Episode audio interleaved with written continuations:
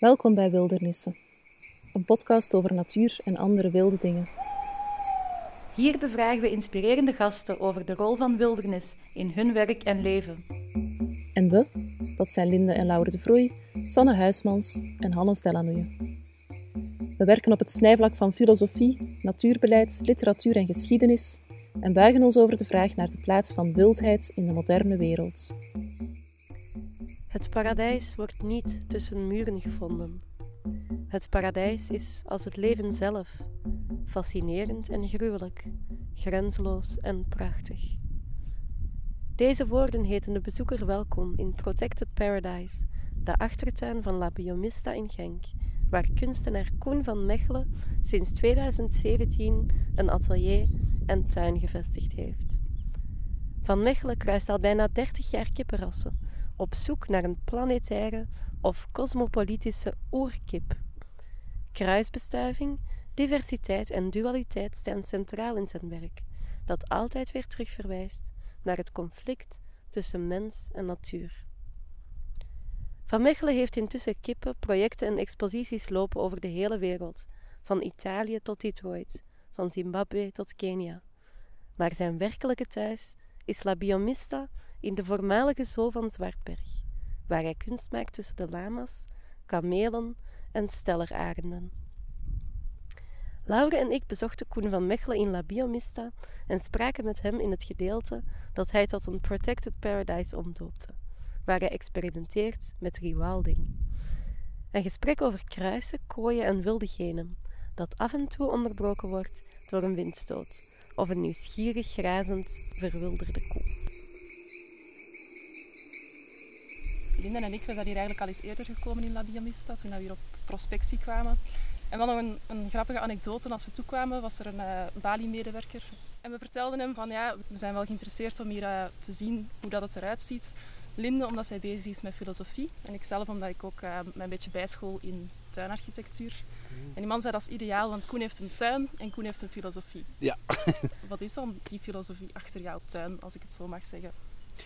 Goh, dat is natuurlijk een heel lang verhaal. Hè. Uh, dat begint, ik denk, een dertigtal jaar geleden. Maar zelfs dan ben ik al aan het liegen. Het begint eigenlijk als kind. Als kind uh, heb ik uh, heel veel in de natuur gewerkt. was ik gefascineerd door alles wat de natuur voorbracht. Maar ik was ook wel gefascineerd wat er eigenlijk tussen cultuur en natuur gebeurt. En in een van de dieren waar ik dat het hardste in terugvond, was de kip. Iedereen kent denk ik nu wel ongeveer het verhaal van de Cosmopolitan Chicken. Het project dat ik eigenlijk gestart ben uh, rond de eeuwwisseling. Het kruisen van kippen over heel de wereld. Maar dan moet je terugbrengen naar het begin van mijn jeugd. Waar ik ontdek eigenlijk dat de kip niet zozeer van de natuur komt, maar dat het eigenlijk een product is van de mens. Ja, door dat een beetje beter te gaan bestuderen, uh, ziet je dat die kip zo succesvol geweest is dat overal waar dat mensen zitten, er ook kippen aanwezig zijn. Of andersom, waar er kippen zitten, mensen aanwezig. De kip komt uit Azië, hè, uh, meer bepaald uh, het leefgebied Nepal, Indië, waar dat aan de voet van de Himalaya de jungle leeft, hè, het rode kamhoen. En dat zou eigenlijk de start zijn van het uh, gedomesticeerde groen. Dat zich dan helemaal uitgestrekt heeft over, eh, over de wereld. En daar begint eigenlijk mijn verhaal een beetje. Ik heb ontdekt dat ze dat niet alleen gedaan hebben om consumptieredenen. Hè, maar ze hebben dat ook omwille van symbolische redenen gedaan. Men heeft in ieder land een kip beginnen te kweken die iets over dat land vertelt. Een heel duidelijk voorbeeld is altijd die poulet de Bresse. Rood in het hoofd, wit in het lijf en blauwe poten. Dat is de Franse vlag. Um, maar als je daar gaat beginnen te ontleden, dan zeg je eigenlijk, ja, het is ook een beetje een droevige kant. Omdat als we ten aller tijden die uh, symbolische waarden willen blijven houden, ja, en het als een nationalistisch symbool zien, dan krijg je eigenlijk ook een gigantisch probleem, namelijk inteelt. En dus het project, het Cosmopolitan Chicken Project, ben ik dan begonnen in 1999, waar ik voor het eerst en dat in een kunstomgeving. De poulet de Bresse, de Franse kip, begint te kruisen met de Mechelse koekoek. En daar begint eigenlijk een heel groot hoofdstuk in mijn werk, Omdat met dat te doen, met die beweging in gang te zetten, ja, zeg je iets over hoe het met ons gesteld is. Hè? Want als je dat in de kunst brengt, ja, ben je niet zozeer over die kip bezig, maar je bent echt wel bezig over de mensheid. Het probleem van inteelt, uh, ja, het probleem van isolatie, maar vooral ook het probleem ja, dat dat eindig is, dat dat uh, contraproductief is in de evolutie. En um, dat is natuurlijk een mooi symbool. En door dat te doen ben ik dan jaren onderweg geweest om overal ter wereld in musea en in culturele omgevingen ja, dat statement te gaan maken waarin dat kruisen zo belangrijk is. Um, niet zozeer om te zeggen dat kruisen binnen de natuur belangrijk is, want daar hebben we eigenlijk weinig mee te maken. De natuur moeten we eerder beschermen.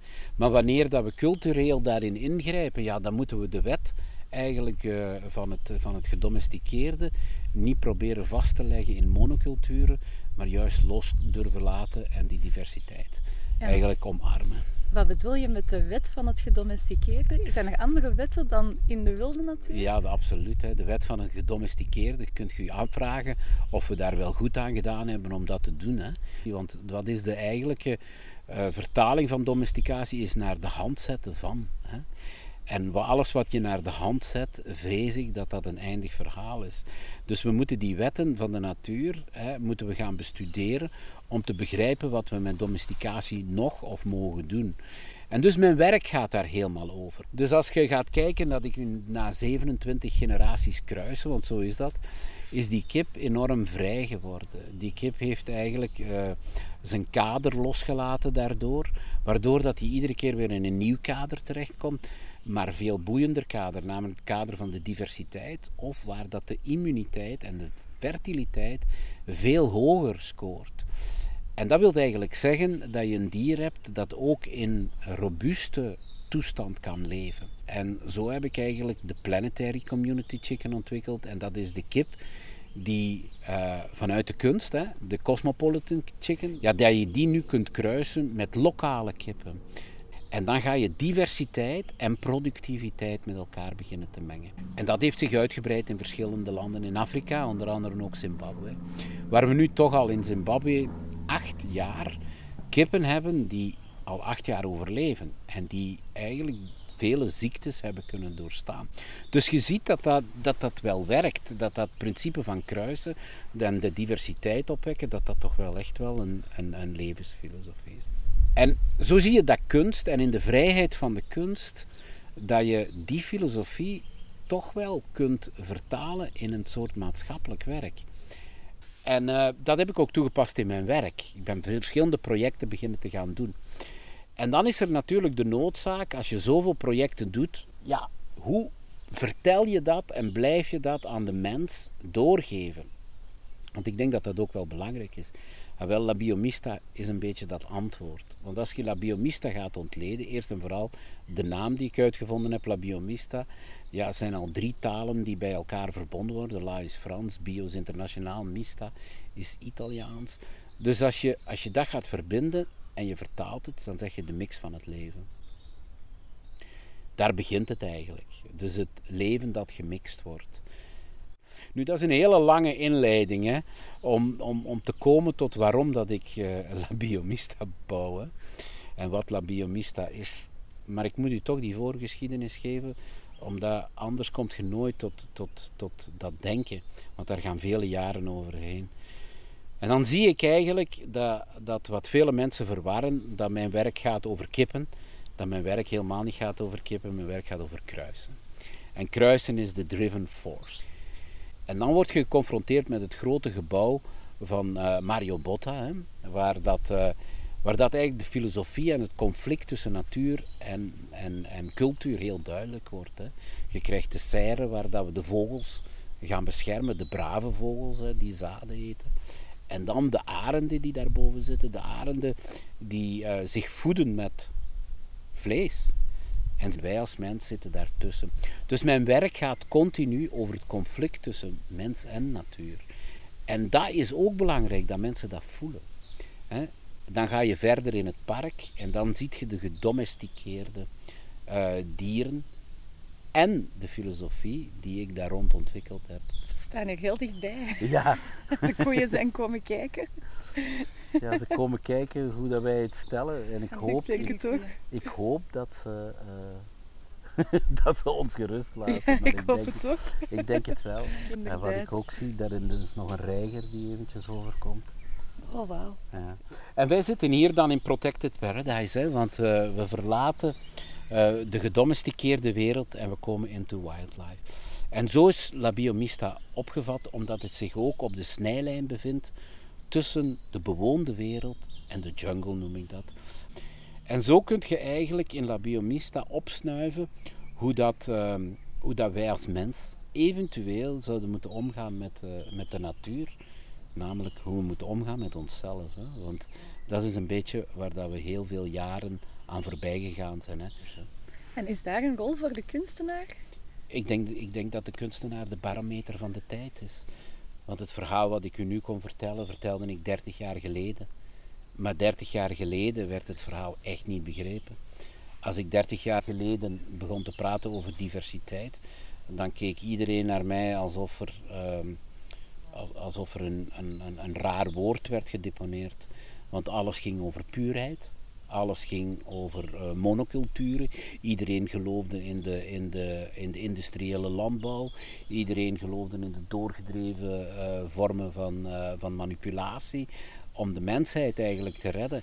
Maar eigenlijk was het een tegenbeweging. Hè. Het was een beweging die juist tegen de mens inging. In plaats van met de mens heen. Hè. Gelukkig hebben wij vandaag daar ook wetenschappelijke bewijzen over. Hè. En dat is waarom dat we ook moeten en durven inzetten op wetenschap ook. Hè. Want eh, het, is niet, het is niet teruggaan, hè. het is forwards to basic. Hè. En daar, is, daar ligt eigenlijk de grote, eh, de grote verandering. En dat wil zeggen, met de kennis die wij vandaag hebben, die moeten we als bagage durven meepakken om de dingen misschien te vereenvoudigen. Hè. Ja, want we hebben het in onze podcast over de zoektocht naar de oorsprong. Ja. En ik merk ehm, bij jou, voor jou ligt die, lijkt die niet in het verleden te liggen, maar in de toekomst. Klopt? Ja, voor mij wel. Ja. Ik geloof nooit in een, in, een, in een beweging die teruggaat. Hè. Ik geloof eigenlijk altijd in een beweging die voortgaat. We hebben nog nooit zoveel kennis over biologie gehad als, eh, als de laatste jaren. Hè. Ik denk dat de ontleding van bijvoorbeeld ook het menselijk genoom, maar ook het dierlijk genoom, ons heel veel kennis geeft over wat dat we morgen moeten zijn. Ja, ik denk als we die kennis niet zouden hebben, dat we met veel minder eh, vooruitgang te maken hadden. Hè. Maar ik heb het niet over de vooruitgang van nog meer fossiele eh, brandstoffen en nog eh, zwaardere, zwaardere industrie, maar meer met, meer met natuurlijke industrie. Op basis van natuurlijke producten die, die, ons, die ons eigenlijk gezonder maken en die niet tegen ons eigen systeem werken. En wat dan met het woord rewilden? Want dit is een stukje waar Ja, je een stukje rewild, maar dat is, zit daar een teruggang in? Of is dat... Wel, het, re, het rewilden is eigenlijk het openzetten van, van die genetische code die we gekraakt hebben. Hè. En het is die genetische code waar we moeten mee oppassen, omdat we die beginnen we te ontleden. En zoals het eigenlijk met alles gaat, hè, met, eh, met hele sterke uitvindingen, hè, die kun je aan twee kanten laten gaan. Hè. Je kunt die in zijn beperking pakken, waardoor dat alles beperkt wordt. Of je kunt die juist in zijn complexiteit gaan pakken. Hè. En het is die complexiteit waar dat we verder mee moeten. En ik weet dat voor mensen dat dat zeer moeilijk is. Hè. De complexiteit is eigenlijk een, een, een beweging eh, die we eigenlijk zoveel mogelijk willen vermijden. Maar je kunt alleen maar vereenvoudigen in de complexiteit. Hè. Nooit, eh, nooit in het andere. Hè. Dit, dit kruisen van jou dat duidelijk heel centraal staat. Wat ik fascinerend vind is, het blijft wel een, een actief werkwoord. Jij als kunstenaar kruist Mhm. en toch bereik je ergens in de toekomst daarmee een vrijheid, noemde je het daarnet denk ik. Een vrijheid van geven. Ja. Hoe gebeurt dit net? Hè? Van, van dit actieve proces van kruisen toch naar een soort vrijheid teruggeven aan, in dit geval de kip. Ja, ah, wel, hoe ik dat zelf uitleg. Hè, ehm, ik, ik, denk, ik denk dat de kip mij het signaal geeft wanneer ik niet meer zal nodig zijn. En dan zal het zijn vrijheid oppakken en zal het voor mij sustainable genoeg zijn. Met andere woorden, genoeg inspiratie geven om verder te kunnen zonder degene die het, eh, die het project ontwikkelde. Want ik moet wel zeggen, ik ontwikkel eigenlijk geen project, ik ontwikkel een proces. En het is dat proces waar ik heel graag van zou hebben dat het een, dat het een duurzaam proces zou zijn. En ik heb, veel, ik heb goede hoop, omdat uh, wanneer ik begonnen ben, 30 jaar geleden, ja, toen kon het eigenlijk een, een uh, zoals men zegt, een joke zijn. Hè? En kon het na twee jaar afgelopen zijn en kon het enkel een beetje een, een, een fait divers zijn dat, dat, dat eventjes op de markt kon piepen om, uh, ja, om belangrijk te zijn of om een beetje een trend te worden. Um, vandaag is dat niet meer waar natuurlijk. Hè. Na 30 jaar zit er een heel diepe filosofie in geworteld, die werkelijk ook al uh, zijn sporen verdiend heeft.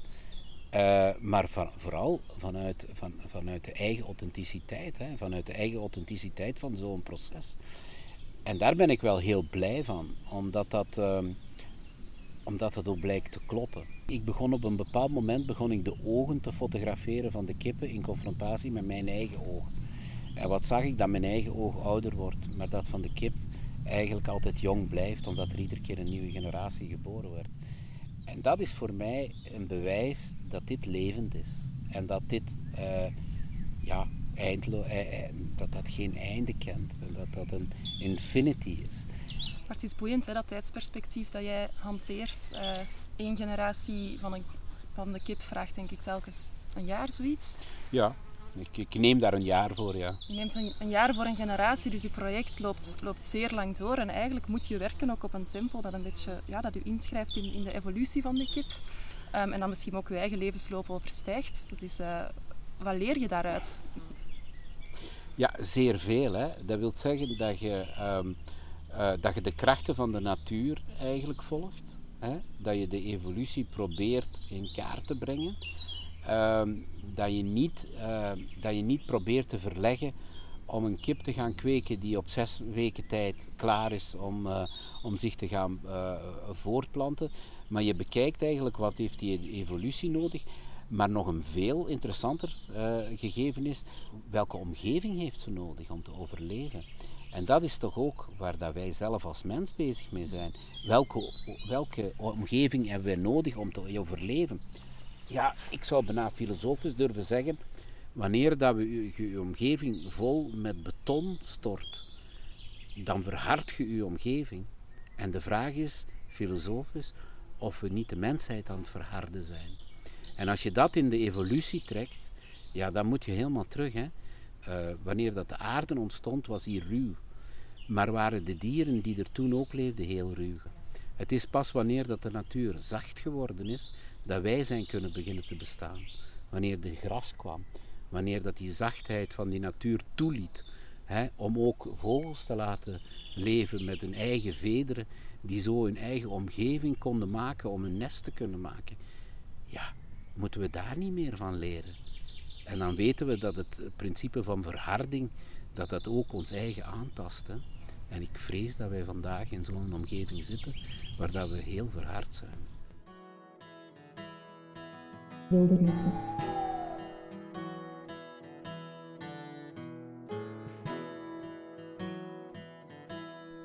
Een hart van steen hebben, een kijk op zijn, rotsvast in iets vertrouwen, steenhard zijn. Stenen zijn in het diepst van onze beeldspraak verankerd. Verstenen en verharden gaan hand in hand, in taal en omgeving, in binnen- en buitenwereld. Opnieuw presenteren wij u de Homo lapis, de stenige mens. Drie weken lang bijten wij in dit intermezzo onze tanden stuk op het wilde karakter van steen. Met één premisse: we leven nog steeds in het stenen tijdperk. Vandaag gaan we op zoek naar de oorsprong van de verharding, ofwel de voortschrijdende verstening van de mens. De meest opvallende eigenschap van steen is ongetwijfeld dat ze hard is. Stenen betekenen hardheid, medogeloosheid, koppigheid, maar ook eeuwigheid, betrouwbaarheid en fundamenten. Het onverzettelijke karakter van steen maakt dat je het nauwelijks kapot krijgt. Dat weet de mens al langer. Mensen bouwden stenen altaren, grafkamers en grafstenen. Verharding als een ode aan de eeuwigheid. Hetzelfde gold voor de wet. De oudste wetten ter wereld werden in steen gebeiteld op een grote zuil. De Babylonische koning Hammurabi had ze, volgens de legende, rechtstreeks van de zonnegod ontvangen. Ook in de Bijbel gaf God de tien geboden op stenen tafelen aan Mozes. Niets beter dan steen om een imago van universaliteit en eeuwigheid te verkrijgen. Ook mensen begonnen zichzelf aan die rotsvaste oerkracht te spiegelen. Koningen en aristocraten lieten hun beeltenis in steen vereeuwigen. Jezus gaf aan zijn trouwste apostel de bijnaam Petrus of Rots, het fundament waarop hij zijn kerk zou bouwen. Ook vandaag zijn sommigen een rots in de branding, of maken ze net van hun hart een steen om moeilijke beslissingen te nemen. Zijn ook dat signalen van de verharding van de mens? En dan is er nog Medusa. De oude Grieken vertelden over deze mythische vrouw met levende slangen als haren en priemende ogen. De vrouw waarvoor alle Grieken beefden. Zij kon met één blik vriend en vijand verstenen. Die ene straf die niemand wil meemaken. Toch is het dat wat we met de wildheid in onze omgeving doen. We proberen ze te temmen door ze te verstenen. We bouwen bakstenen huizen asfalteren steeds meer paden en gieten onze tuinen vol beton. Als een ware Medusa heeft de stenige mens zijn hele omgeving in steen veranderd. Valt er, zoals Luc de Vos het zo mooi verwoordde, tussen al die verharding nog te genieten van de wondere wildheid.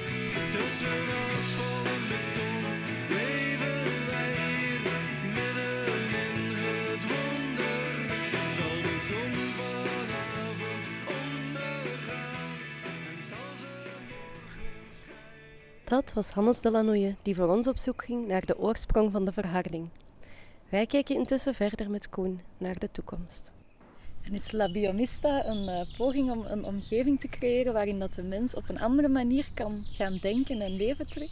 Ik denk dat wel. Ik denk dat La Biomista, en dat is het interessante aan La Biomista, dat neemt u van verharding naar ontharding. En, uh, en dat, dat is soms een beetje een verwarring in de kunst. Hè.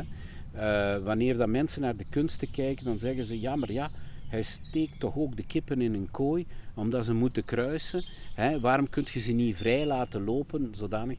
Ja, maar vrij laten lopen is het eindstadium, maar niet het beginstadium. Het beginstadium is om te laten zien waartoe we, waartoe we door in, in staat zijn. Waar, en waardoor dat je langzaam komt tot een ander project. En het is juist, kunst is nu juist het conflict laten zien is juist de snijlijn laten zien waar dat de dingen kunnen veranderen.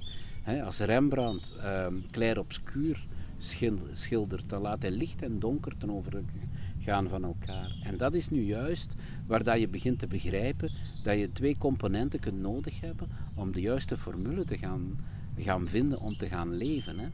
En kunst heeft die kracht, maar kunst heeft volgens mij ook die opdracht om dat te laten zien. Een van de dingen die ik dikwijls zeg is dat uh, kunst het orakel van Delphi is. Hè. Het heeft altijd gelijk. En maar dat klinkt natuurlijk alsof dat gemakkelijk is. Maar dat is juist zeer moeilijk. Want valt maar in zijn één werk samen dat je altijd gelijk hebt. Dat is een heel moeilijke zaak. En is het even enigmatisch? ja, dat moet je voor jezelf uitmaken.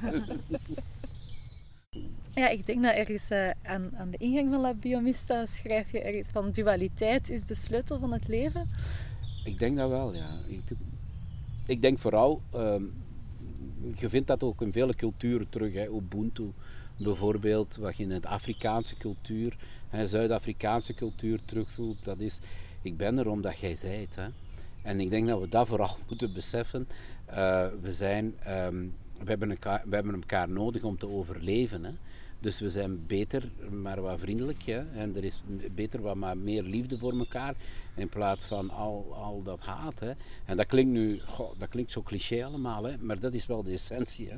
De essentie van ons bestaan is dat we, er, dat, dat we met meerdere moeten zijn om te kunnen bestaan. Mij, voor mij zijn dat heel, heel uh, uh, simpele, maar ook heel, heel moeilijk te vertalen concepten. Hè? Want ik denk dat mensen niet heel goed begrijpen wat de definitie van samenleven is. Hè? Samenleven is wel samenleven. Hè? Dat is niet tegen elkaar leven. Hè? Dus het is, het is dat wat we nodig hebben om als soort te kunnen bestaan. Maar we moeten dat niet als, alleen maar als, als, een, als mensen zien. Hè? We moeten het zien ten opzichte van alle soorten die er op de aardbol leven. Hè? En kan de natuur daarvoor een voorbeeld zijn? De natuur kan, kan een inspiratiebron zijn, en een, maar wat we, wat we natuurlijk ook wel moeten bekijken, hè, de, de, de, natuur uh, is voor, voor, voor velen romantisch. Dat wil eigenlijk zeggen dat men de natuur niet begrijpt. Hè? Het, is, het is altijd heel duidelijk dat de natuur macht heeft over u. Hè? En, um, en, en dat is heel simpel. Hè? Wat ik nu, nu ga zeggen, word morgen ziek en je sterft. Wat, is, wat, wat, is, wat heb je te vertellen? Hè? Ik heb het meegemaakt. Hè? Een kerngezonde vrouw hè, van 52 jaar, die onverwoestbaar was in de energie. Hoe dat langzaam de energie uit u glijdt tot niets en tot niks meer kunnen. Ik heb 30 jaar geleden voorspeld dat we in coronatijd gingen komen. Waarom? Heel simpel. Hè? Omdat ik al meer dan tien keer mijn kippen moet ophokken tegen de, tegen de vogelgriep. Waarom zouden wij biologisch anders zijn dan een kip? Dat is niet zo, hè? Die vreedheid van de natuur als tegenwicht van de schoonheid van de natuur. Absoluut. Dat is wat dat er gebeurt. Hè. Dat is hoe dat een evolutie werkt. Hè. Ja, um, wat ik interessant vind ook in, in jouw werk is, ik ben bezig met rewilding en er zijn heel wat mensen um, die dat het idee hebben dat um, het terug rewalden eigenlijk naar een soort van zuiverheid teruggaan mhm, is. Mhm. Terwijl jouw werk lijkt een aanklacht tegen die notie van zuiverheid, die dat soms ook gevaarlijk kan worden. Ja, je moet hier, en dat is een goede vraag, hè, want je, je, moet, je moet eigenlijk, wat ik, aan, wat ik aan de mens eigenlijk wil vertellen, hè, is dat we een heel duidelijke lijn hebben tussen wat is gedomesticeerd en wat is wild. Hè? En daarom zeg ik ook dat wild heeft geen romantiek. Daar, zit, daar zit dat niet op. Je eh, mocht u daar geen illusies in maken. Mensen denken dat ze een wolf zijn, maar eigenlijk zijn ze een hond. Dus dat wil eigenlijk zeggen, de wolf die, die heeft wel andere wetten om te overleven in het wild dan een hondje. Maar plots, plots zitten we in coronatijd en plots kennen we uh, vijf verschillende soorten vaccins. Ik zeg niet dat dat slecht is dat we die kennen, hè, want de kennis mag er ook zijn. Hè. Maar plots gaan we ons afvragen of AstraZeneca beter is als Pfizer. De mens praat daarover, over dat. En dat is een beetje een vreemde, een vreemde vaststelling, omdat we, um, omdat we ons, ons die vraag op een, op een manier stellen waar dat we denken dat we leven uh, midden in de natuur, met alle, uh, met alle afweersystemen die wij hebben in ons lichaam. Dat is niet waar. Hè? Hè, de gemiddelde mens in, uh, in een ontwikkelingsland, hè, ik, durf, ik durf het cijfer niet noemen, hè, is 35 jaar. Hè? Er zit een hoog kindersterftecijfer bij. Maar ja, ze worden juist aangevallen door die natuur. Hè? En men kan zich niet verweren. En dat zouden dan juist de mensen zijn die sterk genoeg zijn om die de natuur te overwinnen. Maar dat is niet waar, hè. Dus we moeten, we moeten een klein beetje oppassen als we, als we over natuur praten. Hè, we mogen ons niet uh, gaan vergelijken met het, de eerste, de beste uh, wolf die, uh, die door de natuur schiet. Hè. Domesticatie is een ander plan. En wij, misschien jammer genoeg, dat weet ik niet, we zijn het meest gedomesticeerde dier, hè, samen met de kip. Dus wij hebben ook een andere wetmatigheid. En als we zeggen we gaan terug, hè, ja, dat wil zeggen dat je niet naar de dokter moet gaan. Hè, dat er de klinieken allemaal weg moeten. Hè, dat de ouders moeten verdwijnen. Dat, uh, dat, dat moet je alles laten verdwijnen. Dat is geen optie in het, uh, in het bestaan van de hedendaagse mens.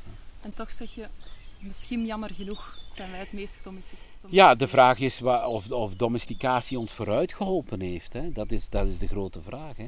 Maar het feit dat dat ontstaan is, hè, uh, het feit dat dat ontstaan is, is dat een, is dat een part of evolution. Hè? En uh, als dat een deel van ons evol evolutionair traject is, ja, dan weten we maar binnen x aantal eeuwen waar, waar dat traject toe leidt. Hè? En daar kunnen wij vandaag eigenlijk geen, geen antwoord op hebben. Um, domesticatie in, in die zin, als ik er straks zei, is naar de hand zetten. Ja, heeft ook natuurlijk te, te maken met uw, uw, uw, leven en uw levensverwachtingen te veranderen en te versoepelen. Alles wat dat we uitvinden in de technologie is eigenlijk om de mens te vermakkelijken. Tegelijkertijd om de mens te vernielen. Dus uh, daar zit eigenlijk dat orakel van Delphi ook op de loer. Uh, wij weten eigenlijk niet zo goed wat dat we aan het doen zijn. In mijn werk bijvoorbeeld zie je dat als ik het kind met het blinddoek maak. Hè? Het kind dat de wereld niet mag zien of het kind dat de wereld niet wil zien. Hè? Dus de vraag is, waar, uh, waar leidt alles naartoe? Je zegt dat de grens tussen wildheid en domesticatie heel duidelijk is. Zit domesticatie en zit wildheid in de genen? Of is dat iets wat je kan aanleren? Ja, dat is een hele moeilijke vraag. Hè? Dat, uh, uh, wild zijn zit zeker in de genen. Of domesticatie in de genen zit, dat, dat, is, dat is de vraag. Hè? Maar het feit dat, wij dat ontwikkeld hebben, ja, denk ik wel. Ik denk dat ons verstand daar een deel schuldig aan is. Hè? Uh, we, zijn, we zijn dingen beginnen af te bakenen om samen te kunnen leven. Hè? Uh, good fans make good neighbors, zeggen ze. uh, ja, wij, wij, hebben onze eigen ruimte, we hebben onze, hè, de cirkel die we rond onszelf trekken, waar dat we iemand laten binnenkomen of niet laten binnenkomen. Dat zijn allemaal gedomesticeerde uh, uh, momenten. In de dierensoorten heb je dat eigenlijk ook. Hè. De, de roedel en de, en, en, de, en de groepen die, hè, denk maar aan de chimpansees, hoe ze zich eigenlijk verenigen. Hè. Vandaag stelt men bijvoorbeeld vast dat er een hele grote oorlog is ontstaan tussen de chimpansees en de gorillas. Niemand weet waarom. Hè. Is dat een, is dat een uh, plots breekt dat, breekt dat los. Hè. Waar zit dat? Uh, is, dat deel van de evolutie? Wordt daar, is daar domesticatie mee gemoeid? Uh, wilt, wilt de ene stam de andere overnemen? Ja, meestal heeft dat te maken met beperking van grond. Hè.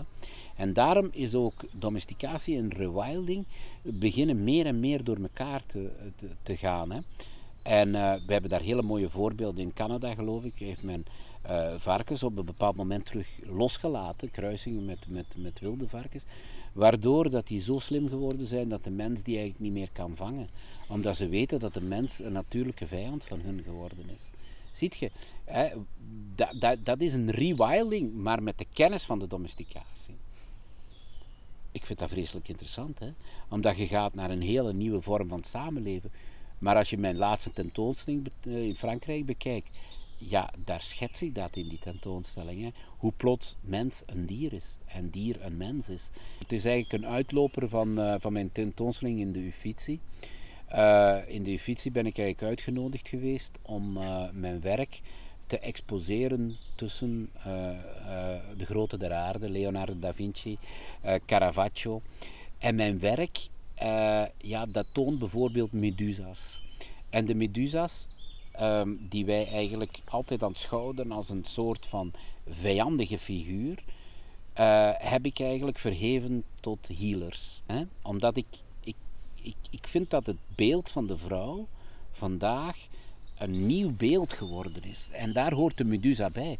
Omdat de Medusa is meer een heldin geworden, of een held geworden, dan een, dan een agressief wezen. En voor mij heeft dat een, heeft dat een heel grote waarde, omdat uh, de eerste medicatie is gemaakt van slangengif. Hè? Maar het is ook opkomen voor je eigen recht, voor je eigen bescherming. Voor, uh, dus je krijgt een nieuw, tijds, uh, een nieuw tijdperk. In, in 2000, met de jaarwisseling, heb ik al een, een, interview gegeven. En ik zeg, ja, de nieuwe eeuw is aan de vrouw. En dat is ook. Om, omdat dat, dat beeld van, de, van, van zelf opkomen, healing, dat is het beeld wat we nodig hebben, ook om onze natuur te herstellen.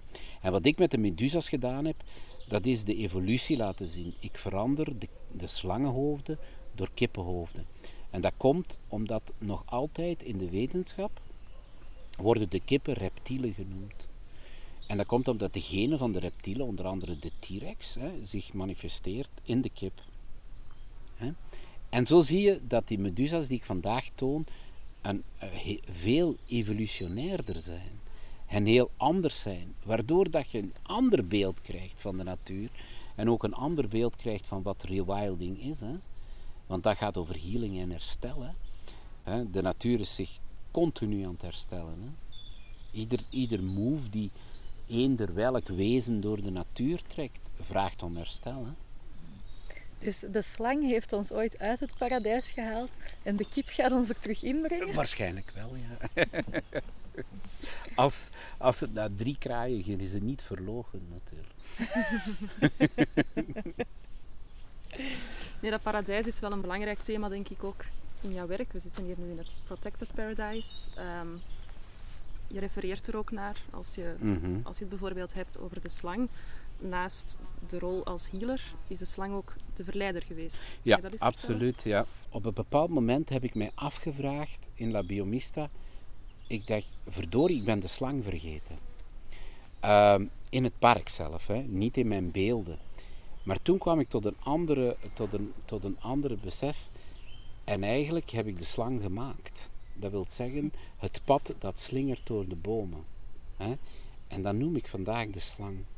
In de Afrikaanse culturen zeggen ze, wanneer je de slang ziet, wil zeggen dat de grond u toebehoort. En dat is natuurlijk het proces van verleiding. En het is, in die ver- het is in die verleiding dat je eigenlijk eh, meegesleurd wordt in hetgeen wat je aan het doen bent. Omdat ik had een hele duidelijke filosofie over het pad. We gaan geen bomen wegdoen. We gaan, we gaan het pad rond de bomen leggen. En toen zag ik, ah ja, dit is de slang. En dit is het pad dat ons verleidt om te kunnen verder gaan. En het boeiend genoeg te kunnen houden. En hoe ziet voor jou het paradijs eruit? Goh, zeker niet met de, met de 50 maagden die u te wachten staan, zoals ze dat soms verkopen. Het paradijs is een hele moeilijke zaak. Ik zal u zeggen, ehm, waar, ik, waar, waar we natuurlijk mee struggelen, hè, dat is ehm, wanneer dat de verleiding niet plaats zou vinden, zou het continu paradijs zijn. Tegelijkertijd moet de verleiding plaatsvinden om de wereld te kunnen creëren. Ik denk dat, eh, ik denk dat de creatie van de wereld ons leidt naar een nieuw paradijs. En ik denk dat het paradijs altijd een leerproces is. En een tijdelijk proces. En dat dat zeker niet een eindproces is, maar een begin van iets anders. En in mijn eerste schetsen heb ik dat gemaakt. Ik zet de jungle fall, hè, het rode kamhoen, bovenaan. Dat is een soort van Adam en Eva van het kippenrijk, want leven ook monogaam in, dat, eh, eh, in, in, de, eh, in de natuur. Hè. Dat- heeft ook zo zijn reden, omdat ze op een relatief beperkte ruimte zitten. En wanneer dat ze niet monogaam zou zijn, de inteelt natuurlijk eh, heel groot zou zijn. Hè. Eh, dus eh, dus er is monogamie daar. Maar vanuit die genen is de hele kippenwereld ontstaan. En die kippen zijn dan door hun gedomesticeerd gedrag helemaal niet meer monogaam. Die zijn polygaam geworden. Maar door ze dan terug aan elkaar te kruisen, en dat is hetgeen wat ik denk dat ik met Cosmopolitan Chicken Project doe, ja, gaan we naar een nieuw punt. En zijn kippen dan terug monogaam geworden? Tot nu toe niet. Nee. We, zullen, we, zullen, we zullen zien wat er uit het nieuwe paradijs komt. Hè. ze zitten nog in hun kooi Ja. natuurlijk. Dus. Maar dat is een van, de, een, een van het gedomesticeerd gedrag. Hè. Dat is dat we de kip, de kip uit zijn natuurlijke omgeving gehaald hebben. Ze in een afgebakende ruimte zit. Was er opgetreden? Verveling. Hè. En verveling heeft eigenlijk geleid tot meer procreatie. Dus men heeft vastgesteld, ah, we kunnen er nog een hen bij zetten, nog een hen bij zetten. Waardoor dat er monogamie eh, gebroken werd en polygamie optrad. Hè.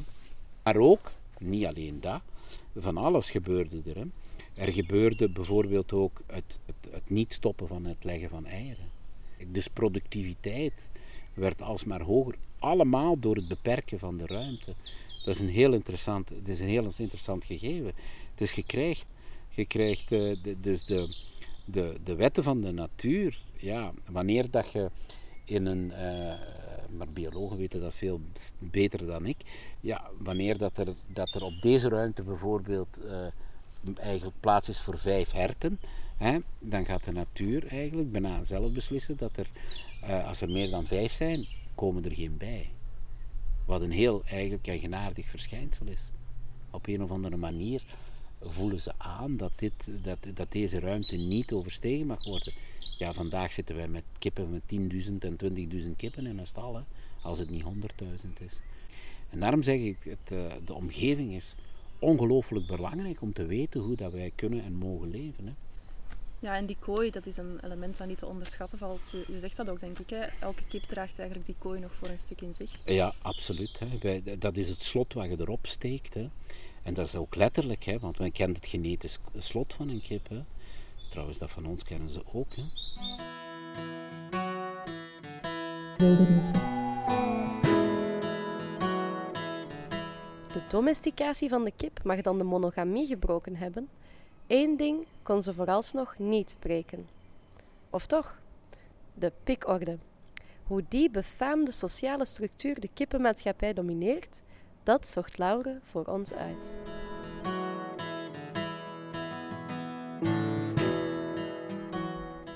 Een oud spreekwoord luidt: Twee hanen in een hok geeft veel gekakel en weinig eieren.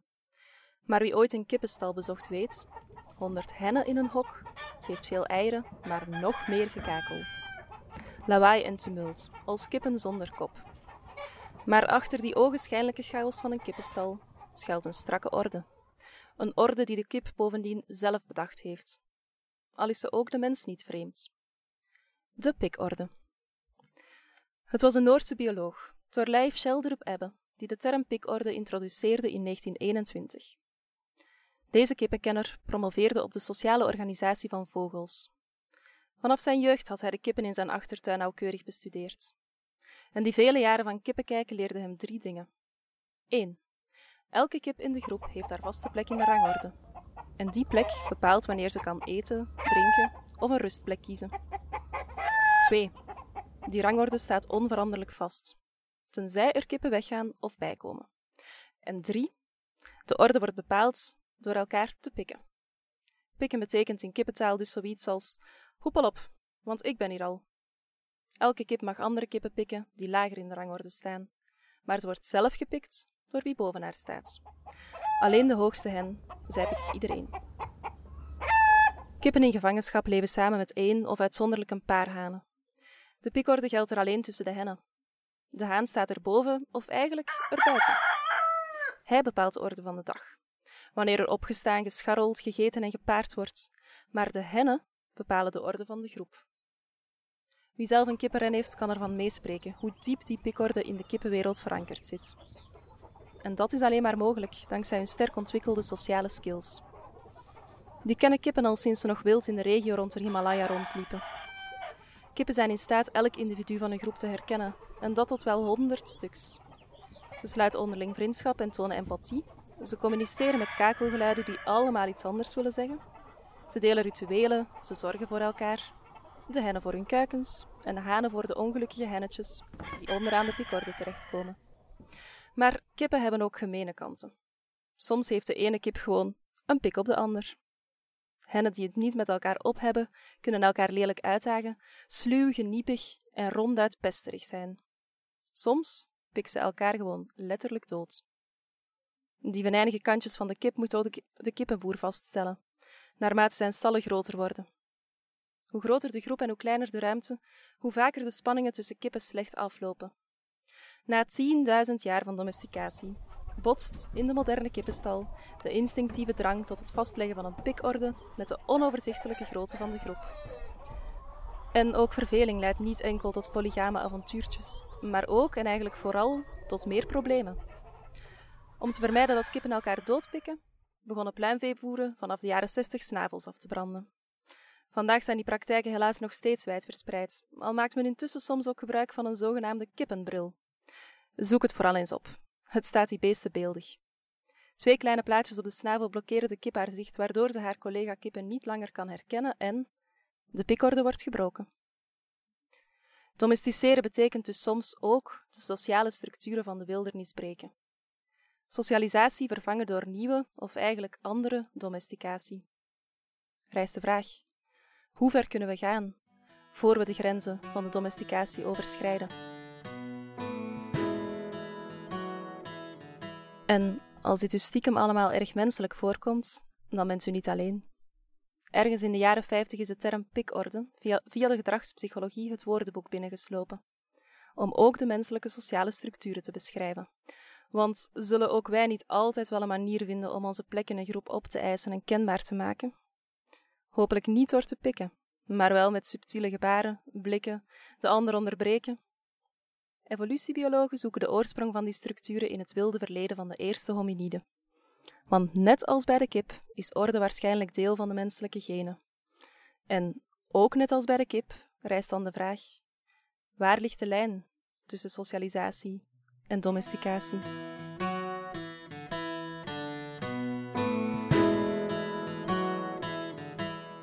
Draagt de mens ook de kooi in zich? Ik denk dat wel, hè? anders was hij niet gedomesticeerd. Hè?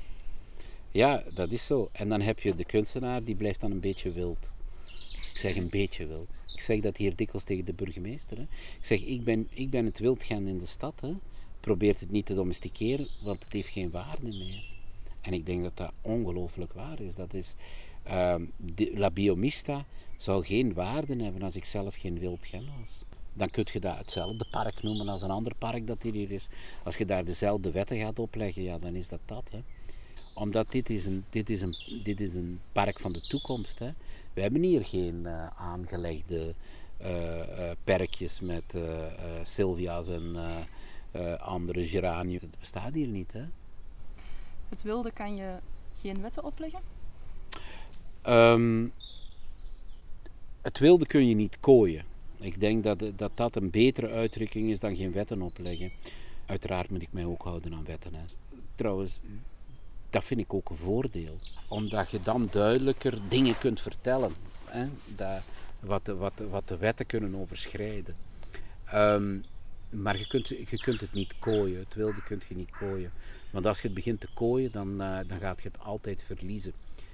Um, bijvoorbeeld, op een bepaald moment heb ik vastgesteld in, in mijn kippenstal uh, dat er een haan werd aangevallen. En uh, doordat die werd geïsoleerd en aangevallen, uh, hadden ze die zijn spoor gebroken. En dan ben ik naar een bevriende wetenschapper gegaan en heb gezegd, kunnen we daar niks aan doen? Ik zeg, want die haan, ik moet die isoleren en die kan zich niet meer bij de groep bewegen. Omdat hij zijn spoor verloren heeft, die kan zich niet meer verdedigen, maar heeft ook geen pronkelement niet meer naar de, uh, naar de hennen toe. En um, toen, toen heeft hij mij gezegd, ja, met de laatste nieuwe technieken, van scanningen en van protheses. Hè. Daar zou ik eh, naar kunnen kijken, zegt hij. En toen hebben we die haan geopereerd en we hebben die een nieuwe spoor gegeven. En toen zei ik, maar waarom geven we hem geen gouden spoor? Zodanig dat hij een andere identiteit krijgt. voor de kippen blijft het hetzelfde, maar voor ons wordt het kenbaar een koning. wordt het iemand die, die, zich, die zich ergens als een leidend figuur kan gedragen. En die operatie was met succes gedaan. We konden dat goud aanpassen aan de kilo's, dat, uh, kilo's, de grammetjes die, uh, de, uh, die, die de poot kon dragen. Hè. En er werd ook geleerd, hè, want er werd op drie manieren gekeken of het in het merg van het been moest geplaatst worden, in het been zelf, of op de oppervlakte van het been. Hè. waardoor dat er ook wetenschappelijke kennis werd opgedaan om dat te kunnen doen. En die herstelt zich helemaal en die kan zich ook helemaal terug in de groep vinden. Fantastisch kunstwerk vond ik dat. Maar op een bepaald moment krijg ik telefoon uh, van uh, Gaia, die uh, klacht ingediend heeft tegen deze operatie. dus ik word gedagvaard. En ik denk in mijn eigen, ja, dit is een verkeerde interpretatie. Dus ik moet naar, ik moet naar Brussel om mij voor een uh, tribunaal te gaan, uh, te gaan verdedigen. Ik had geen advocaat meegenomen, ik dacht dat, dat, dat, dat, lijkt me er een beetje over. Maar ik zal mijn eigen pleidooi houden. En ik hield mijn pleidooi en ehm, dus de, de dierenrechtenorganisatie was wel onder indruk van mijn pleidooi. Maar de rechter die zei, ja, sorry, maar het is allemaal goed en wel. Maar eigenlijk heb je de wet overtreden. Ik zeg, ja, hoe dat? Hij zegt, ja, ik zal u uh, voorlezen wat dat je uh, wettelijk niet moogt. En toen bleek het eigenlijk dat je uh, wettelijk geen protheses mocht aanbrengen bij kippen. En ze zei, ja, we gaan u toch moeten beboeten. En toen zei ik, in een verlicht moment, zei ik tegen de rechter, maar kunt je mij ook eens voorlezen wat dat wel mag? En toen begon hij voor te lezen, ja dat kan ik doen. Dus je mocht de vleugels afsnijden, je mocht de bek afbranden, uh, je mocht de kip doden. En ik zeg, oké. Ik richtte mij dus naar, uh, naar de dierenrechtenorganisatie en ik zeg, wie heb je het liefst? De wet of de kunstenaar? En dat heeft mij vrijgesproken. Is het de rol van de kunstenaar als Wildgen om die wet uit te dagen? Ik denk dat, ja. Ik denk, maar niet, niet on purpose, hè. Maar, maar wel in het, in het belang van zijn werk. Dat wil eigenlijk zeggen, ik heb het gedaan omwille van die, van die haan die afzag. Ik heb het niet gedaan omwille van de publiciteit of om, om, omwille van het controverse. Ik doe het uit het belang van wat ik denk dat de wereld nodig heeft. En dan zullen we wel zien. Ja. En is het ook de, de rol van de kunstenaar om het wilde in de dingen, net in kunst, wat toch een cultuurproduct is, naar boven te halen of te tonen? Of hoe zit die paradox? Ik denk dat het een paradox is. Hè? Ik, ik, denk vooral dat het inzicht is in uzelf. Hè? De dualiteit in uzelf is een grote dualiteit. Hè? Cultuur en natuur leeft in onszelf. Hè? En daar moeten wij ook mee om. Hè? Wij moeten daarmee verder. Of je dat nu wilt, ja of nee. Dat was het schone aan Pollock bijvoorbeeld. Hij zei, I am nature. Ondertussen maakte hij een van de grootste culturele werken die er vandaag op de wereldbol zijn. Dus, uh, dus dan, je moet dat nuanceren. En ik denk juist dat kun, kunst is ook des mensen. Hè? Dat wil dus zeggen dat de vermenging van cultuur en natuur in dat werk moet zitten. Want als dat er niet in zit, dan eigenlijk heeft het niks toe te voegen aan de mensheid. Hè?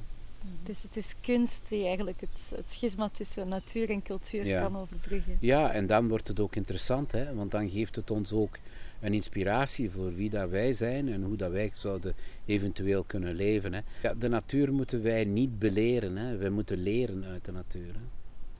Dat is een beetje een, een, verandering die ik wel heel graag zie. Hè? Vroeger in de geneeskunde trouwens werd er gezegd, wij corrigeren de natuur. Nu weet men vandaag dat dat eigenlijk een fabeltje is. Hè? Men gaat de kennis proberen op te doen van wat de natuur geeft en gaat kijken hoe we de natuur kunnen helpen daarmee. Hè? Dat is een totaal andere beschouwing dan te zeggen de natuur is verkeerd en we gaan dat veranderen. Hè? Dat is aan La Biomista ook een, van, de, van de mooie dingen, denk ik. We hebben bijvoorbeeld Lama Winter hier zitten. Twintig jaar geleden heb, ik eigenlijk ontdekt dat uh, lama's zeer sterke wezens waren. Ik heb lama's voor uh, de verjaardag van mijn vrouw cadeau gedaan. Die werden heel erg ziek aan rhododendron. En uh, iedere veearts zei ze gaan dood. Maar eigenlijk hebben we die gewoon na 12 uur, uh, door, ze te kunnen, door ze te verzorgen, liepen die terug rond in de wei. En toen dacht ik, hier is iets heel apart aan de gang. En dan ben ik in contact gekomen met uh, professor Hamers, die mij wist te vertellen dat men met de dromedarissen, door toeval eigenlijk, uh, ontdekt heeft dat er een, een, een soort dubbel immuunsysteem aanwezig was bij de kamelen. En lama's zijn kameelachtige, dat zijn camelids. Maar het is interessant omdat, het, omdat ik de dieren, of het, het, uh, het, dierenrijk of de fauna en flora, meer zie als een soort van bibliotheek van kennis. En dat wil zeggen dat die lama, dat we daar vandaag in die genetica kunnen kijken en we hoeven die lama niet te veranderen. We hoeven daar geen proefdier van te maken. En daar, daar kunnen we van eigenlijk kopieën maken die we voor de mens kunnen gebruiken om medicatie aan te maken. Dat is een totaal andere benadering van hoe dat je met de natuur omgaat en hoe je de natuur bekijkt. Want de lama blijft gewoon de lama.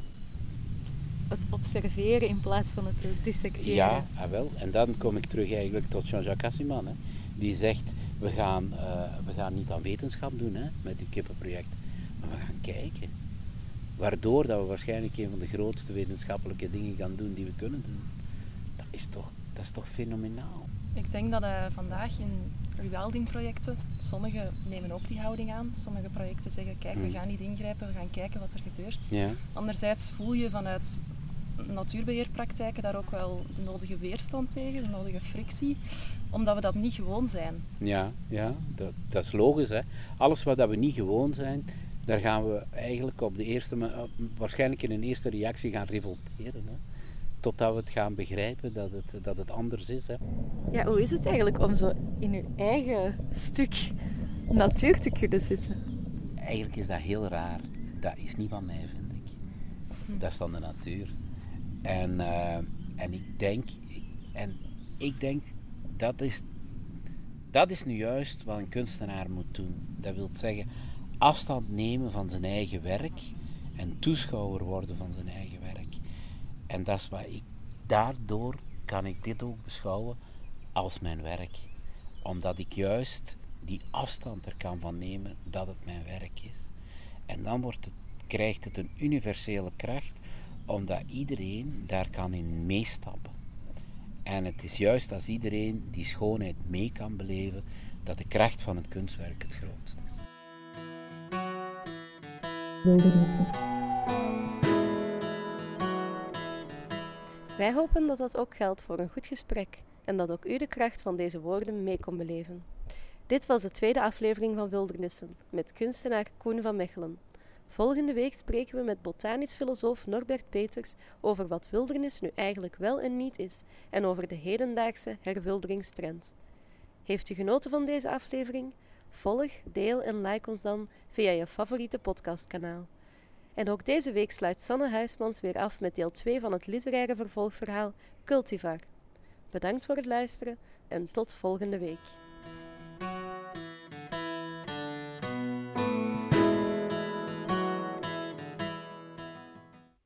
Cultivar, deel 2. Het is gebruikelijk om de omgeving van een huis met gedomesticeerde planten in te richten. Cultivars, betrouwbare varianten, liefst met grote bloemen. Primula, begonia, petunia, siergrassen bij jonge gezinnen. En toegegeven de situatie waarin ik me thans bevind, insluiting in de eigen woons ten oorzaken van overgroeiing, zou ondenkbaar zijn als ik had gedaan zoals de meesten. Cultivars kennen hun grenzen. Het zijn nogal welopgevoede planten. Ze passen in potten en leunen hoogstens een beetje over het randje. Maar in mijn tuin groeien wilde soorten, met kleine bloemen en grote bladeren soorten die weinig grenzen kennen, of de minste opportuniteit aanwenden om ze te doorbreken. Dan nog, zal u denken, zou het toch niet zo ver moeten komen dat planten een mens overgroeien en gijzel nemen in zijn eigen huis, enfin. Wie niet wil domesticeren, kan immers altijd nog temmen. De wilde kort houden is dat. Met perken en bekabeling, snoeischaren als het echt moet en ik weet dat ik daarin enigszins tekort ben geschoten. Nonchalant, nalatig. In de winter wilde ik bijvoorbeeld de klimop wat terugdringen, maar de motivatie ontbrak. En kijk, de klimmer heeft zich in de strijd gesmeten en na de voor- en achterdeur zijn nu ook enkele ramen vol groen gegroeid. Daglicht wordt schaarser hier binnen terwijl het God beter de langste dagen van het jaar zijn. Ik pluk brandnetels aan de achterdeur om er thee mee te zetten. S'morgens een kop en s'avonds ook een. Althans, ik kijk op de klok om te weten of het vroege ochtend of hoogmiddag is, want het weinige licht dat binnenvalt geeft daar nauwelijks een indicatie toe. Daar staat een mens dan, met een huis, een dak, een frigo, water, warmte, microgolf en domotica. Even knipperen en tuin is wildernis geworden. Mijn huis begint stilaan op een hol te lijken. De laatste dagen lig ik graag opgerold wanneer ik slaap, zoals een vos of een eekhoorn. Ik ruik het groen en mijn neus beweegt op en neer.